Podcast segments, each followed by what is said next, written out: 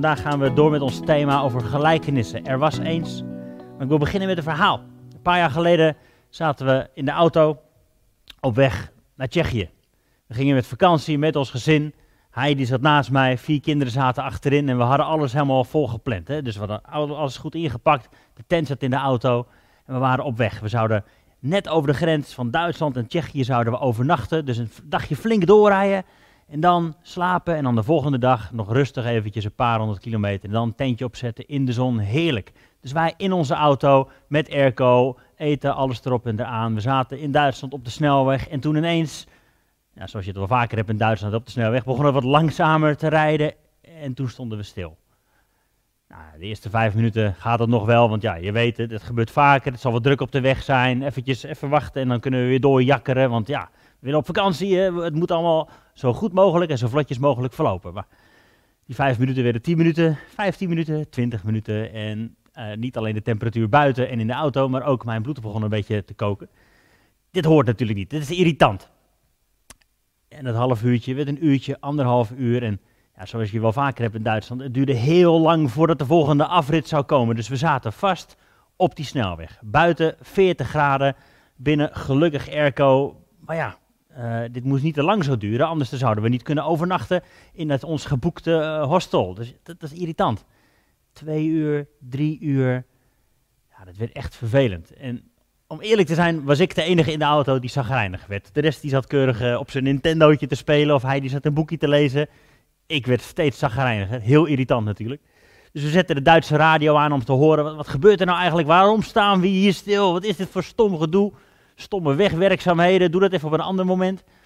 Maar in ons beste Duits verstonden we dat er een vrachtwagenongeluk was gebeurd, verder op de snelweg. En, uh, ja, nou, vervelend natuurlijk, maar wel irritant, want we moeten eigenlijk door. En ja, na een uur of vier, toen we dat bericht al een paar keer hadden gehoord, toen begon ik nog zagrijniger te worden. En toen vroeg een van onze dochters achter in de auto, hoe, uh, hoe gaat het eigenlijk met die vrachtwagenchauffeur?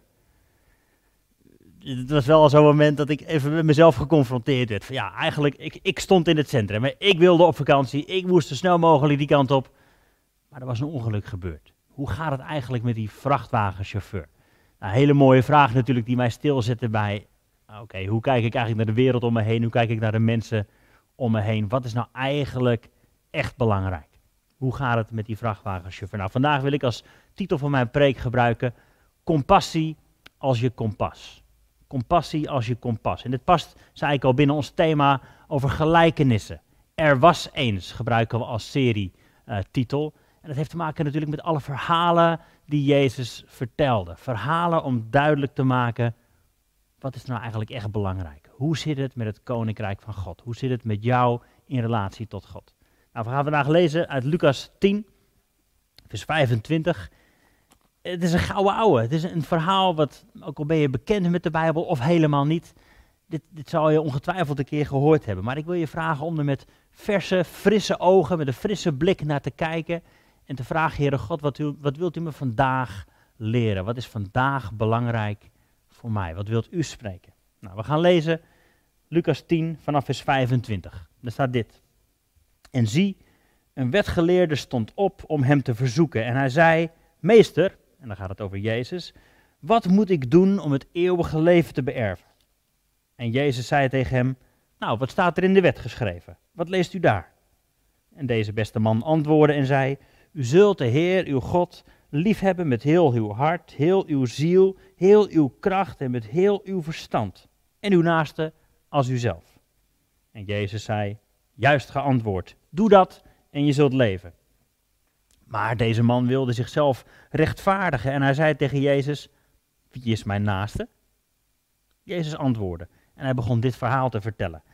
Een man ging van Jeruzalem naar Jericho en hij viel in de handen van rovers, die hem de kleren uittrokken en hem daarbij slagen toedienden en hem bij hun vertrek half dood lieten liggen. Maar toevallig kwam er een priester langs, diezelfde weg. En toen hij hem zag, ging hij aan de andere kant voorbij. Evenzo kwam ook een leviet. En toen hij op die plek kwam en hem zag, ging hij aan de andere kant voorbij. Maar een Samaritaan die op reis was, kwam in zijn buurt. en toen hij hem zag, was hij met innerlijke ontferming bewogen. Hij ging naar hem toe, verbond zijn wonden, goot er olie en wijn op en hij tilde hem op zijn eigen rijdier, bracht hem naar een herberg en verzorgde hem. En toen hij de volgende dag wegging, haalde hij twee penningen tevoorschijn. Hij gaf ze aan de waard van de herberg en zei: Zorg voor deze man, en wat u verder aan kosten maakt, zal ik u geven als ik terugkom. Toen stelde Jezus de vraag: Wie van deze drie denkt u dat de naaste is geweest van hem die in de handen van de rovers is gevallen? En hij zei: ja, Degene die hem barmhartigheid bewezen heeft. Jezus zei tegen hem: Ga heen en doe evenzo. Zo samen bidden.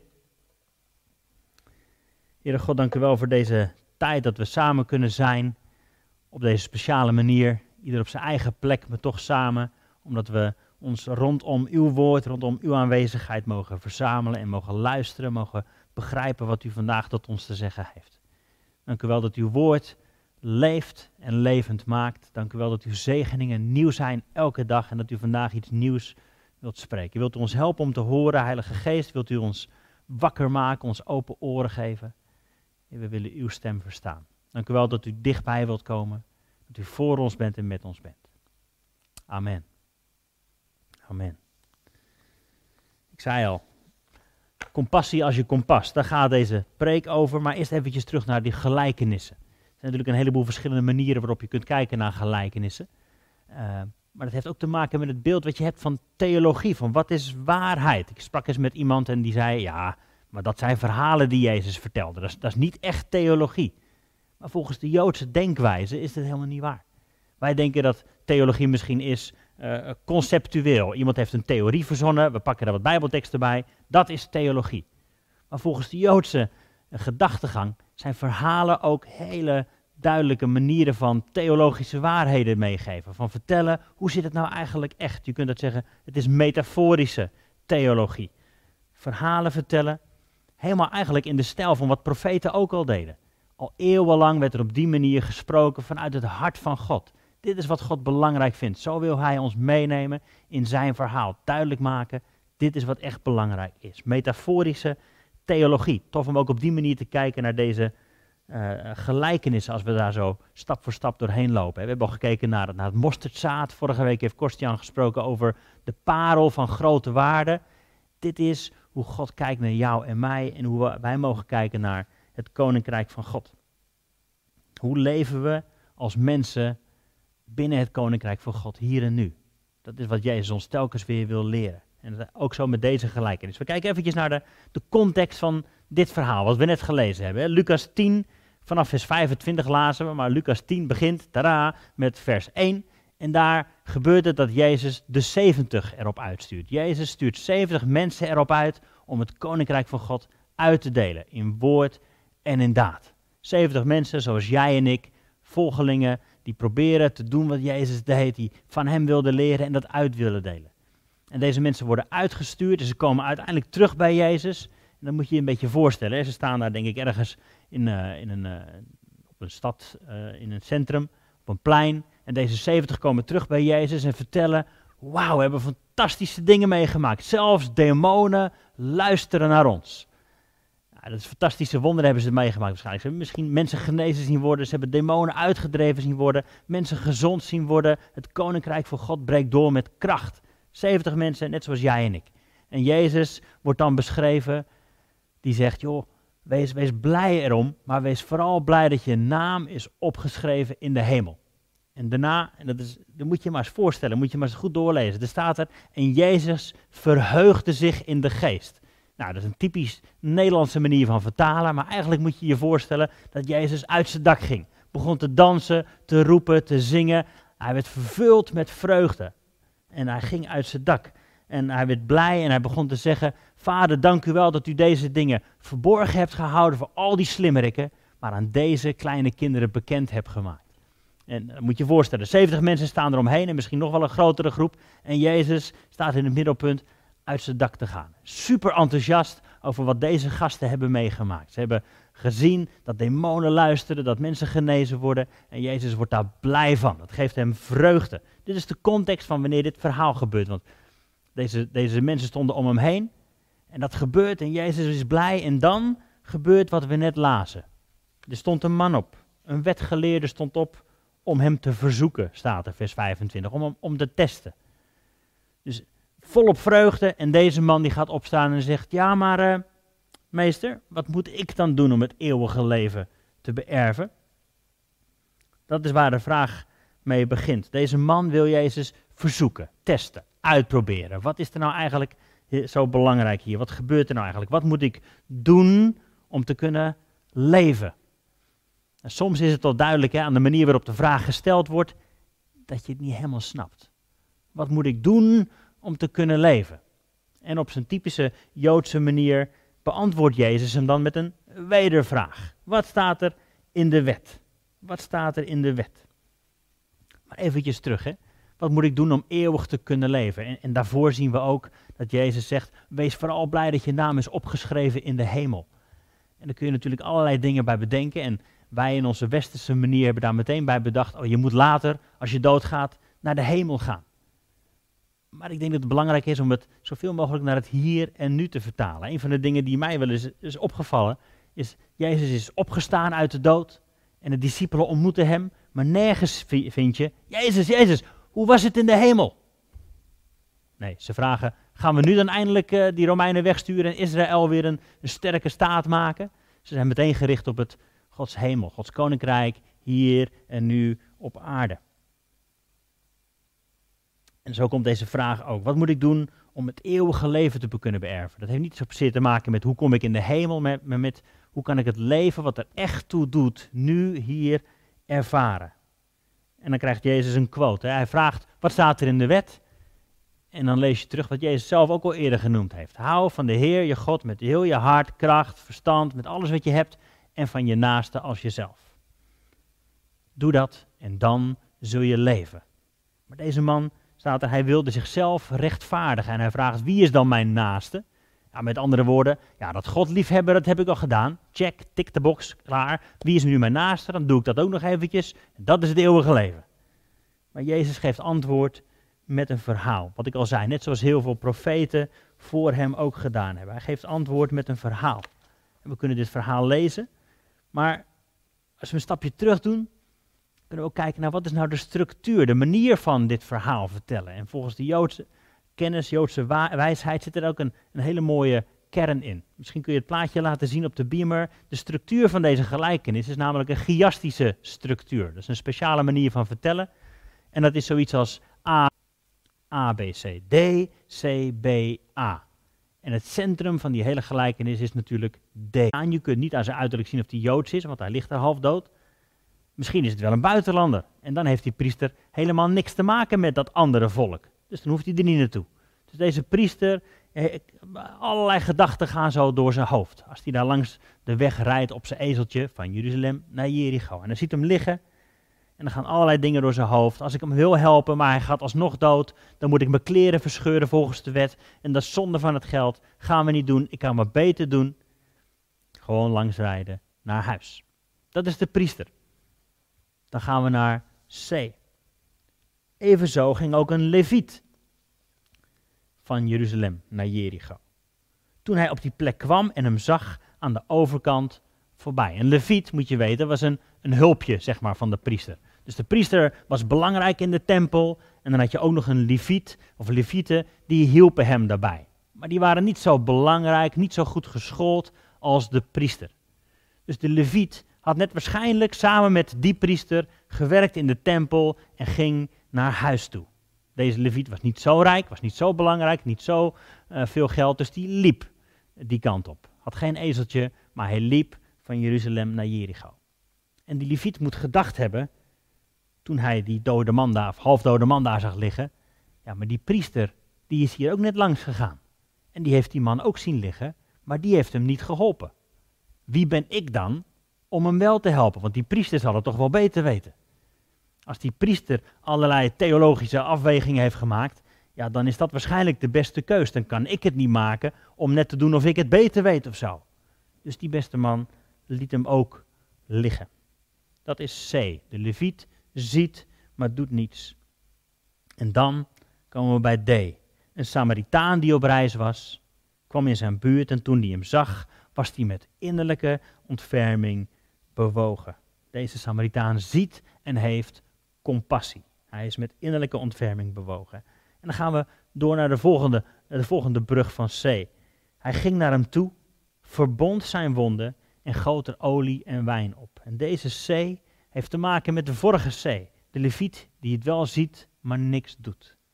Deze man ziet en hij verbindt zijn wonden. Dan gaan we naar B. Hij tilde hem op zijn eigen rijdier, bracht hem naar een herberg en verzorgde hem. Dus dat wat de priester niet deed, doet deze Samaritaan wel. De priester had ook een ezel bij zich, maar hij deed er niks mee. Hij reed eromheen. Deze Samaritaan gebruikt zijn ezel om deze man te helpen. Bracht hem naar een herberg en verzorgde hem. En dan gaan we terug naar A. Toen hij de volgende dag wegging, haalde hij geld tevoorschijn, gaf het aan de waard en zei: Zorg voor hem en wat je tekort komt, dat betaal ik je later. Dus daar waar de rovers geld hebben afgenomen, komt deze Samaritaan en hij geeft geld aan hem uit. Zo zie je die A, B, C, D, C, B, A. Dat is een hele Joodse manier van vertellen. Je zult het in heel veel andere gelijkenissen of verhalen van Jezus ook terugvinden. Maar het gaat natuurlijk om die D, om het centrum van dit verhaal. En dat is dat stukje waarin staat, deze Samaritaan was met innerlijke ontferming bewogen. Compassie. Het centrale punt is van deze gelijkenis compassie. Innerlijke ontferming bewogen. Nou, in het Grieks staat er zoiets als, lastig uit te spreken, splagnizomai. En dat heeft, komt van het, het, het woord splagnon. En dat betekent de innerlijke delen van je lichaam, je ingewanden. Hij hield van hem met al zijn darmen, zou je kunnen zeggen. Is niet zo lekker beeld misschien, maar de innerlijke delen van je lichaam. In de Griekse manier van denken was dat namelijk de zetel van je passies. Van liefde, ook van woede. Dat wat je innerlijk is. Je innerlijke delen, je ingewanden. In de Joodse manier van denken is, heeft het ook een, een, een belangrijke plek. Hè? David zegt bijvoorbeeld in, uh, Psalm 139, u heeft mijn nieren gevormd. Nou, wij zouden zeggen, u kent mijn hart, u heeft mijn hart gemaakt. Maar in die, in die tijd, in die cultuur, u heeft mijn nieren gevormd, u heeft mijn ingewanden gemaakt. Dat heeft dus te maken met je diepste wezen. Het diepste van jezelf. Dat wat je eigenlijk echt bent. Het diepste deel van jezelf. En daar heeft compassie mee te maken. Deze Samaritaan was met innerlijke ontferming bewogen. Toen hij hem zag liggen, heeft het misschien wel pijn gedaan in zijn buik. Dat hij compassie kreeg. Nou, misschien herken je dat wel, dat je als je ergens heel diep door geraakt bent, dat je het in je lijf voelt. Dat is compassie, wat, wat hem voordreef. En compassie was niet alleen een belangrijk deel van deze Samaritaan, maar eigenlijk, als je door de hele Bijbel kijkt, is het een kernpunt van wie God is. Misschien ken je het verhaal van Mozes die in Exodus 34 op de berg kwam en dat God zichzelf aan hem bekend maakte. En dat God uitroept, Heer, Heer, ik ben de Heere, Heer, ik ben barmhartig en genadig, geduldig, trouw en waarachtig. En het eerste woord wat daar gebruikt wordt, ik ben de Heere, Heere, ik ben barmhartig. En dat is het Joodse woord voor compassie. Ik heb barmhartig. Ik ben vol genade, vol compassie. Dus daar begon het al. Bekendmaken van wie God is, dat begint met compassie, genade. God gaat naar je uit. En een van de dingen die we hier vaker zeggen, als je echt wil weten wie God is, dan kijk je naar Jezus. En Hebreeën 1 staat dat. Hij is de afstraling van Gods heerlijkheid. Hij is de afdruk van wie God eigenlijk echt is. Hij is Gods woord, dat wat God te zeggen heeft over zichzelf. En als je kijkt in het leven van Jezus, dan zie je dat compassie een onwijs belangrijke plek inneemt. Komt zo vaak terug. Bijvoorbeeld, ik noem even een paar teksten hoor, die verschijnen niet, je mag meeschrijven. Matthäus 9, vers 36, daar staat, toen Jezus al die mensen zag, kreeg hij medelijden met hen. Dat is opnieuw dat, opnieuw dat woord, dat splagnon. Medelijden, hij krijgt compassie over ze. Hij dacht, die mensen hebben het moeilijk, niemand helpt ze, ze zijn als schapen zonder herder. Matthäus 14, vers 14 staat dit. Toen Jezus uit het schip ging en hij zag een grote menigte, was hij innerlijk met ontferming bewogen. Opnieuw datzelfde woord. Hij was met ontferming bewogen. En hij genas al hun zieken. Matthäus 15, vers 32 staat dit. Jezus riep zijn discipelen bij zich en zei, ik ben innerlijk met ontferming bewogen over de menigte, omdat ze al drie dagen bij me zijn en ze hebben niets wat ze kunnen eten. Zo wil ik ze niet wegsturen. Dus Jezus, voordat hij dat ongelofelijke wonder doet, hè, van die vijf broden, twee vissen, van die enorme vermenigvuldiging van eten, is er compassie, splagnon. Opnieuw Jezus met innerlijke ontferming bewogen. Marcus 6, vers 34. Toen Jezus uit het schip ging en hij zag dat er een grote menigte was, werd hij innerlijk met ontferming bewogen. Want ze waren als schapen die geen herder hebben. En hij begon hun onderwijs te geven. Hij begon hen te vertellen, waarheid te vertellen. In Johannes 11, bekend verhaal over Lazarus die gestorven is. Toen Jezus haar zag huilen, de zus van Lazarus, en ook Joden die met haar meekwamen, kwamen, werd hij heftig in de geest bewogen. Dus opnieuw, dat, hij raakte innerlijk in beroering. Dus telkens opnieuw in alle verhalen waar Jezus iets wonderlijks ging doen, zie je dat dit daar aan vooraf gaat. Jezus had compassie. Hij was met innerlijke ontferming bewogen. Zo'n kernwaarde van wie Jezus is. Zo'n zo'n belangrijk punt. Zo'n sleutel.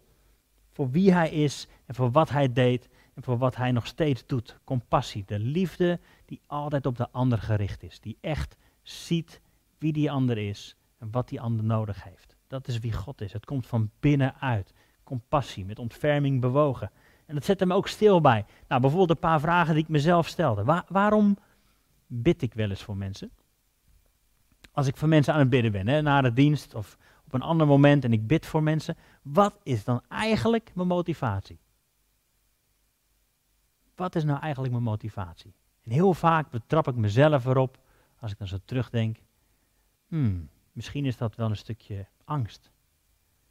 Wat nou als die andere persoon niet geneest? Wat nou als er geen gebedsverhoring is? Wat, wat, denken ze dan van mij? Wat zullen ze dan wel niet over God denken? En dan komt er een stukje angst. Niet vanuit compassie of bewogenheid, omdat ik die ander echt zie. Maar misschien ben ik dan toch nog wel op mezelf gericht. Misschien ook wel een stuk trots. Ik heb iets wat jij niet hebt. Ik kan geven, jij moet ontvangen, ik ben beter, jij bent minder. Dat zit zo vaak in onze motivatie. Ook als we goede dingen doen, hè, andere mensen willen helpen of willen bidden. Zien we die ander echt of reageren we vanuit een stukje trots? Ik ben niet ziek, jij wel, ik heb iets wat jij niet hebt. Ik ben sterk, jij bent zwak. Of, of misschien is het ook wel een stukje presteren. Is onze motivatie, we willen aantallen halen. We willen meer genezingen, we willen meer dat, we willen meer dit, we willen meer dat. Maar is de compassie eigenlijk weg? Hebben we niet echt oog voor wie die ander is? En als we iets kunnen leren van wie God is, van wie Jezus is in al die verhalen, voordat hij geneest, voordat hij eten vermenigvuldigt, voordat hij onderwijs geeft, wat er altijd aan vooraf ging is compassie. Ik zie ze en ik ben met innerlijke ontferming bewogen, vanuit ze ingewanden als het ware, vanuit ze innerlijk. Kan die met een open hart echt zien wat er echt nodig is. En ik hoop dat we dat mee kunnen nemen vanuit dit verhaal. Misschien is het al heel bekend, maar ik hoop dat je opnieuw een verse blik krijgt, een frisse blik op.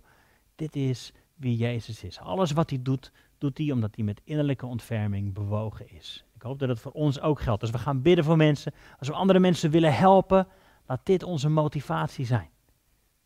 In 1 Korinthe staat dat, hè? Zonder liefde is het niks. Is het waardeloos. Heeft het geen eeuwigheidswaarde. Zit je misschien alsnog jezelf te kietelen. Moeten we niet doen. Laat onze motivatie zo zijn zoals die van Jezus was. Laten we met innerlijke ontferming bewogen zijn. Hoe vind ik eeuwig leven? Dat is de vraag waarmee dit hele verhaal begon. Die wetsgeleerde die opstond en die vroeg, hoe vind ik eeuwig leven? Nou, in de Joodse, sorry, in de Hebreeuwse vertaling staat er zoiets als, ga jij olam. Dat betekent eeuwig of blijvend leven. Dat wat eeuwigheidswaarde heeft. En dat wordt vaak gebruikt in, tegenover, ga jij sha'a, vluchtig leven. Dat wat voorbij gaat. Dat wat eigenlijk niet echt blijft. En Jezus zegt, doe dit en je zult leven. Doe dit en je zult leven. En het is niet omdat je genoeg goede werken moet doen om ooit in de hemel te komen. Maar als je echt wilt weten wat het is om te leven, te leven in overvloed, want dat is wat Jezus belooft, hè? Johannes 10, vers 10, leven in overvloed, dan bedoelt hij dit leven. Vanuit compassie. Met een open hart andere mensen helpen, liefde geven, zoals wij liefde ontvangen hebben. En Johannes 3 staat dit. Wie dan alle goederen van de wereld heeft, maar zijn broeder gebrek ziet lijden en zijn hart voor hem toesluit, Hoe kan de liefde van God dan in je blijven? Datzelfde woord wordt hier gebruikt, splagnon, je ingewanden. Als je je hart voor iemand sluit, als je je ingewanden voor iemand sluit, schrijft Johannes. Hoe kan de liefde van God dan in je blijven? Hou van God. Hoe? Hou van je naaste. Zie naar je, naar je naaste om. Wees als die barmhartige Samaritaan. Open je splagnon voor mensen om je heen. Open je ingewanden, je diepste innerlijk voor mensen om je heen. Leef een leven vol compassie. Een paar conclusies. Weet dat God van je houdt. Daar komen we telkens weer op terug. Dat is het allerbelangrijkste. Dat je weet, God kijkt zo ook naar mij. Hij heeft voor mij compassie. Misschien ben ik wel die rover, of uh, iemand die, uh, nou misschien ben ik ook wel een rover, dat weet ik niet. Maar misschien die, iemand die door rovers is overweldigd aan de kant van de weg heeft gelegen. God kijkt naar mij om. Maar ook dat, hè, ik maak net een, uh, misschien een misverstandje. misschien ben ik wel zo'n rover, maar zo ziet God me niet. God ziet altijd het verloren schaap. God ziet altijd degene die pijn heeft, die angstig is, die verdriet heeft. Ook naar mensen waarvan wij denken, dat zijn daders, dat zijn de slechte mensen. Gods hart gaat naar ze uit. Hoe kijken wij naar mensen? Hoe kijken wij naar mensen die dingen verkeerd hebben gedaan, die we irritant vinden, die niet bij ons volk horen? Weet dat God van jou houdt. Waar je ook vandaan komt. Weet dat God met innerlijke ontferming bewogen is.